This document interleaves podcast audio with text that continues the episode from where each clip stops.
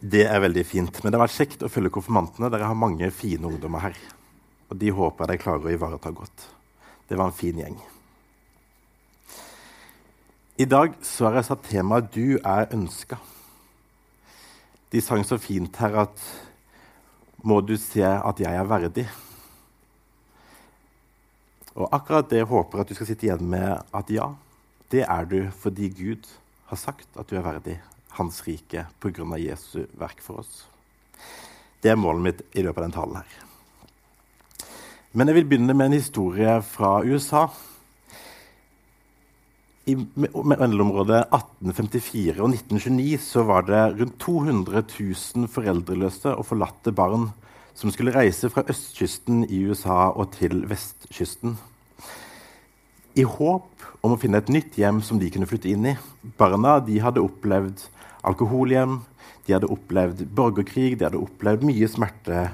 Mange immigranter hadde ikke råd til barna de hadde fått, og de var, måtte reise for å finne et nytt hjem. De satte de på tog, 30-40 stykker av gangen. Og Da kjørte de fra landsby og område til område. Og Hver gang de stoppa toget, så kom det noen barn ut. Og så gikk de voksne som skulle bli fosterhjem eller adoptivhjem, og så på disse barna sjekka tennene deres, så helsa deres, stilte de spørsmål. Det var nesten en slags auksjon for å velge ut disse barna. En av de guttene som var der, det var Lee Nailings. Han var åtte år gammel, reiste sammen med sine to brødre. Før han reiste, så hadde hans biologiske far gitt ham en rosa konvolutt. Og på den konvolutten hadde faren skrevet adressa si og navnet sitt. Og så sa han når du kommer til et nytt hjem, så må du sende brev så jeg vet hvor du er, og at vi kan ha kontakten. Lee han tar den konvolutten på innerlomma i jakka si, setter seg på toget og reiser med brødrene sine. Og på veien så sovner han, og når han våkner og kommer av i Texas, så er konvolutten borte. Han har mista konvolutten og klarer ikke å finne den. Plutselig er sønnen har ikke han lenger mulighet til å finne sin biologiske far. Han kunne ikke adresse. Han var liten. Han fant aldri sin far igjen. Opp, der han kom fra opphavet, det var tapt for han. Nå var hans eneste mulighet å finne en ny familie som skulle ta han skikkelig inn til seg og ta seg av han. Og Dessverre så er dette en sann historie, og det er den gutten fant aldri sin far, biologiske far igjen. Det å kunne se det kjærlige blikket fra de som elsker deg, fra de som ønsker deg vel, det former oss og gjør noe med oss. Og Vi skal komme tilbake til Li litt gjennom talen.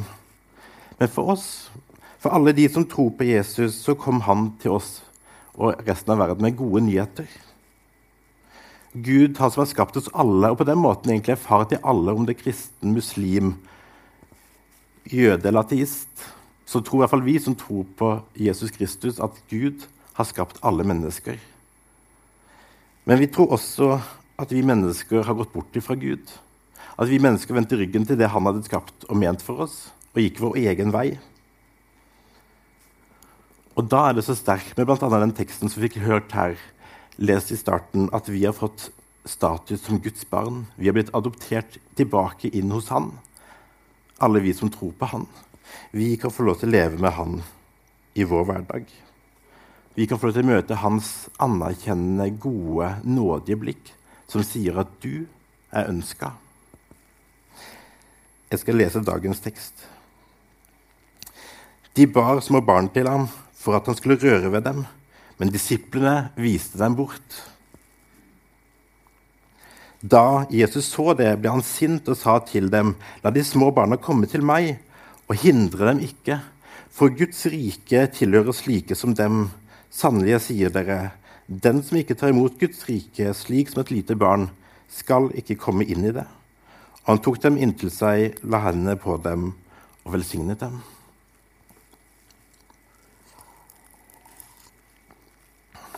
Jeg vil be en bønn. Takk, gode himmelske Far, for at du ønsker å møte hver enkelt av oss. Må du, Herre, tale til oss nå i dag gjennom ditt ord. Amen. Vi vet ikke så mye om de som kom for å gi barna til Jesus. Det står bare 'de kom for å gi barna til Jesus'. Det var nok foreldre som hadde barn, og i Lukas kan vi se at det var spedbarn. Det var små barn som de ville ta fram til Jesus.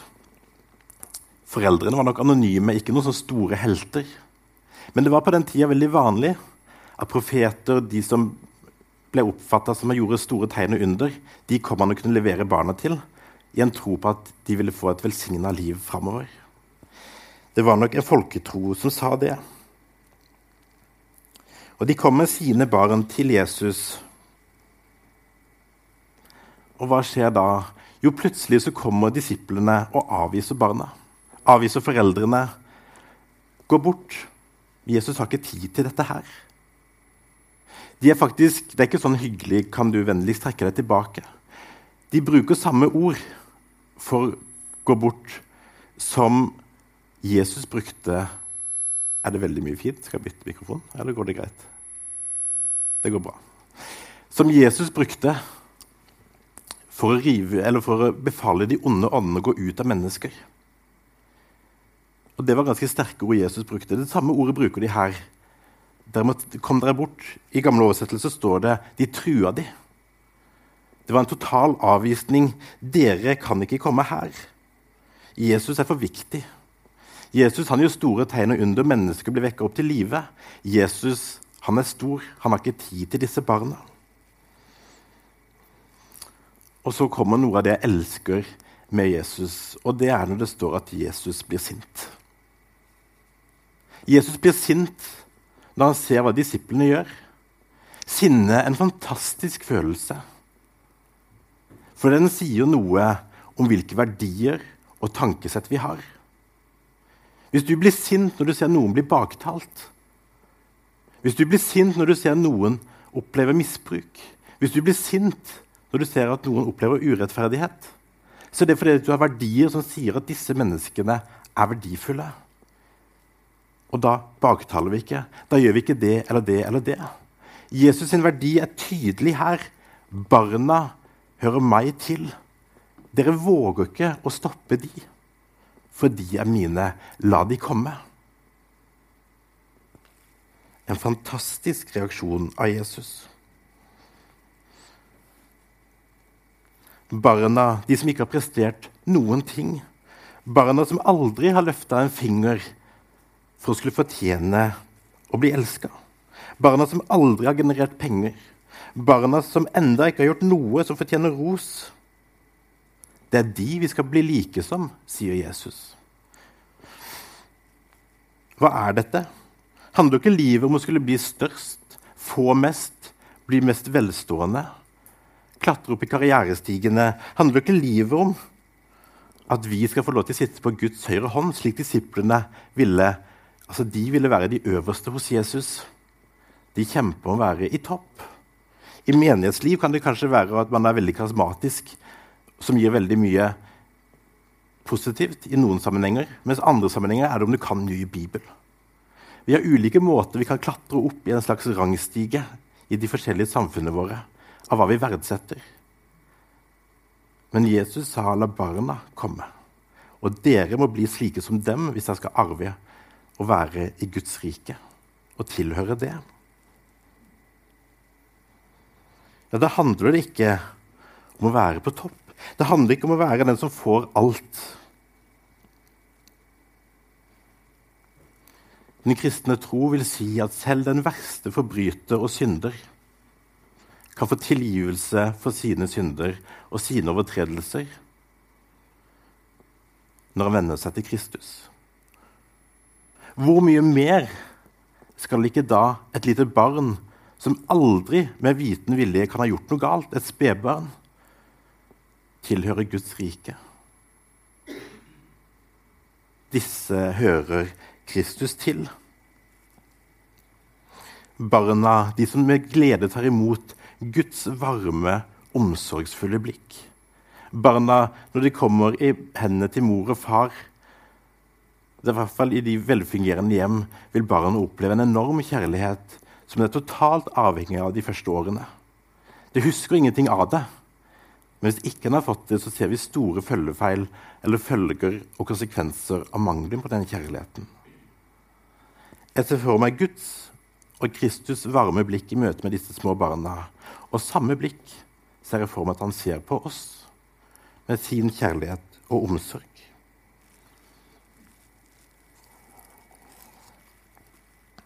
Tilbake til historiene om Lee Nailings, denne gutten på åtte år.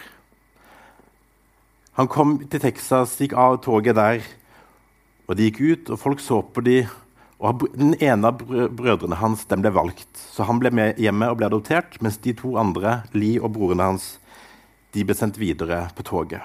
De av neste stopp, og der håpte de at de også skulle bli valgt, og det ble de. De kom inn i et nytt hjem men det tok ikke lang tid før Lee Nailings ble kasta ut av hjemmet. De hadde ikke rom til han likevel. Lee setter seg på toget på nytt, kommer til en ny plass, og der kommer han inn på en gård. Det er en gårdsfamilie, og Lee han har kommet fra byen. Han kan ikke gårdslivet. Lee han ser høns, han blir inspirert og gleder seg over å se dyr på den måten. Men han har aldri lært at du skal ikke åpne porten for hønsa, for da stikker de av. Og akkurat det gjorde han. Og hønsa de gikk. Og Li han ble kasta bort. Han var ikke lenger velkommen der. De trengte noen som kunne yte. Jeg ser for meg Li knust, nedbøyd. Mange spørsmål. Er det ingen som kan ha meg? Har jeg ingen verdi? Kanskje kan en si at 1800-tallet var ikke så annerledes på noen måter som det også er på Jesus sin tid. Der det var de som, en, altså som var litt mer å bidra med, de kunne komme til Jesus. Men barna de skulle ikke. For jeg tror disiplene de er prega av de, deres samtid. Den tida de levde i, og de hadde de verdiene i sin ryggmarg. Og kanskje er det også i dag en tenkning om at status, heder og ære det er ting vi akter.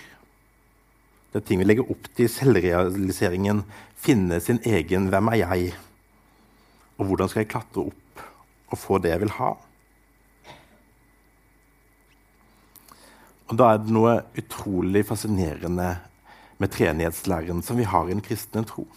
Treenighetslæreren som sier tre personer, Fader, Sønn og Den hellige ånd, men ett vesen.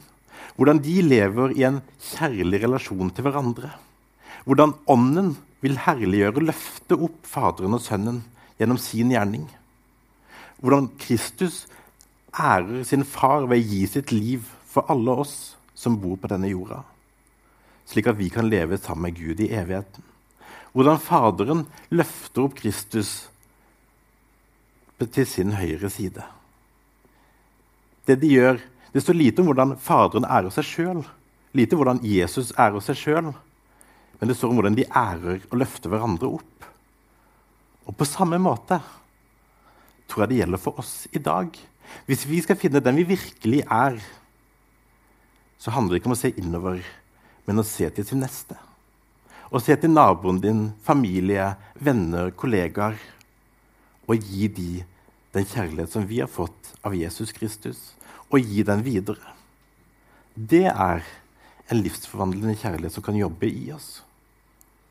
Gud trengte ikke å skape oss for å vise sin kjærlighet, for han levde i en perfekt relasjon med Fader, Sønn og Den hellige ånd. Men han valgte å skape oss, og han valgte å gi oss verdi og elske oss fordi han ville det sånn. For det er en del av hans egenskaper og kvaliteter.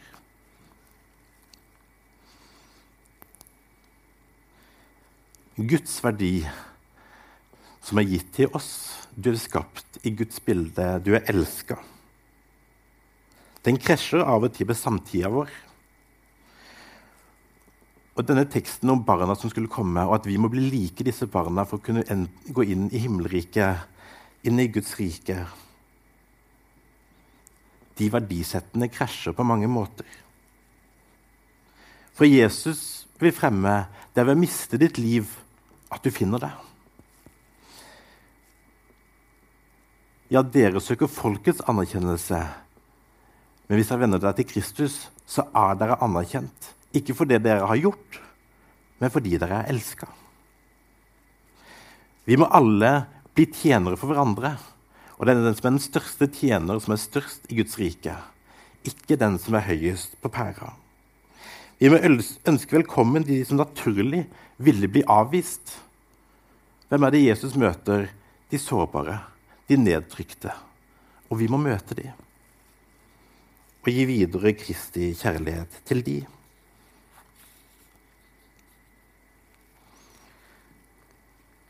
Og Jeg ser på mange måter for meg at livet sammen med Jesus er en slags dans. Jeg vet ikke om jeg har tenkt det sånn før var dans synd, men, men jeg tenker at livet sammen med Jesus kan minne om en dans der Gud velger å invitere oss opp til seg, der alle blir invitert inn til en dans med Han. Det er han som tar initiativet, det er han som leder. Du trenger ikke ha prestert noen ting for å bli invitert. Han fører, og du kan bare lære å følge den veien han viser.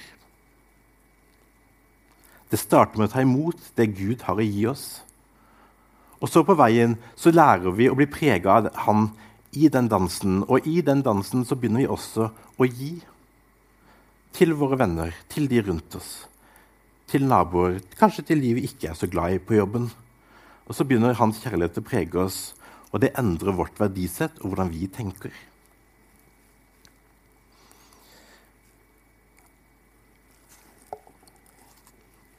For min del så handler det om forskjellen på moralisme og evangeliet.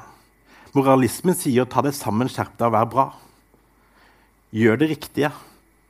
Evangeliet sier Vær med Gud, la Han forme deg. Og du vil begynne å gjøre det riktige og det gode som en konsekvens. Men det er ikke det som er målet. Målet er å leve med Jesus, og så er det bare en frykt at du vil bli forvandla. Og det tror jeg skjer når vi tilhører Guds rike. Det står her, som jeg leste For Guds rike tilhører slike som dem.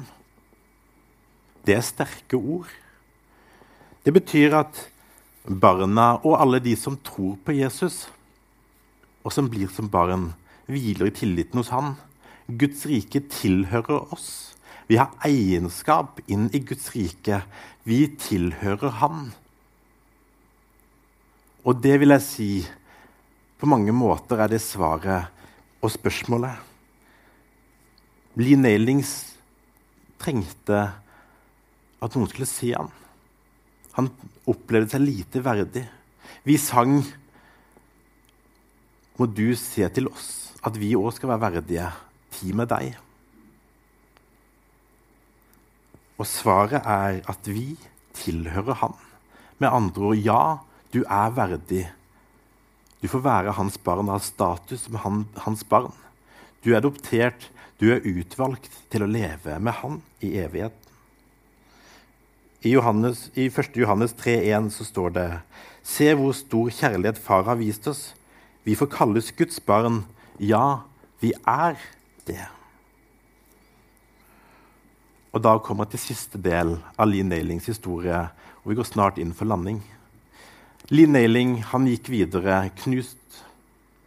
Og så kommer det en familie eller et ektepar høy, tynn mann og en liten, rund dame. Kommer på togstasjonen, ser han, og de tar han til seg. Han kommer hjem til dem, og så tenker han, det er kveld, og han tenker i morgen skal jeg rømme. Før de rekker å avvise meg og kaste meg bort. Og så spiser de kveldsmat. Han sier ingenting på det måltidet. Han legger seg, og så står han opp og tenker etter frokosten så rømmer jeg. De setter seg ned og skal spise frokost. Og så skal han til å ta brødet, og så sier den lille, runde dama vent, vi skal be bordbønn først. Og så ber hun vår far takk for den maten som du har gitt oss. Li er ikke vant til dette med bønn, men han kjenner igjen noe sånn Fader vår-ting. Men han stusser over at hun snakker til Gud som om han skulle sitte rett ved siden av dem. Og så fortsetter hun bønnen. Må du hjelpe oss og takk for at vi får oppdra dette barnet.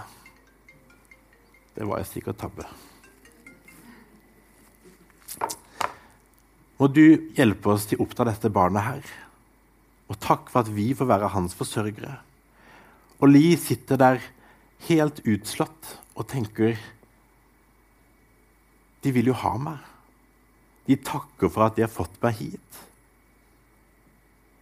Og ikke bare det, de ber om at Gud skal veilede dem til å oppdra meg godt. Li får ikke engang med seg at hun sier amen. Men det han ser, det er at både hun og mannen de sitter og smiler når hun takker for at de har fått Li. Mannen gir gutten litt mat, og han spiser. og Etterpå så går de ned i byen. Og Der introduserer faren stolt Li som den nye sønnen. Og da landa Li på at 'jeg skal ikke rømme fra denne familien'. Her opplevde han en omfavnelse. Her opplevde han at noen så han, anerkjente han, møtte han der han var i sitt liv. Og det begynte å forvandle hans liv.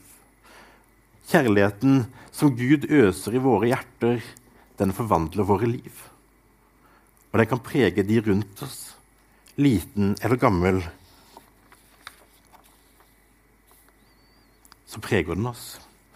Disiplene de svikta på det aller mest basice som Jesus akkurat hadde prata om før disse barna kommer, der han sa at barna hører han til. Guds rike handler ikke om prestasjon, status, men det er en invitasjon til et helt annet rike som opererer helt annerledes enn det vi gjør i vår verden også i dag. Og den sier du og jeg er invitert. Vi er elska, vi er ønska. Og Gud selv smiler over oss. Han vil oss vel. Til slutt vil jeg sitere Max Lucado. Og han sier det på denne måten.: Mitt barn, jeg vil ha deg med i mitt nye rike. Jeg har blåst bort dine overtredelser som skyene om morgenen, og dine synder som morgentåken. Jeg har frikjøpt deg. Jeg, Gud, har tatt mitt valg. Jeg velger deg som en del av min evige familie.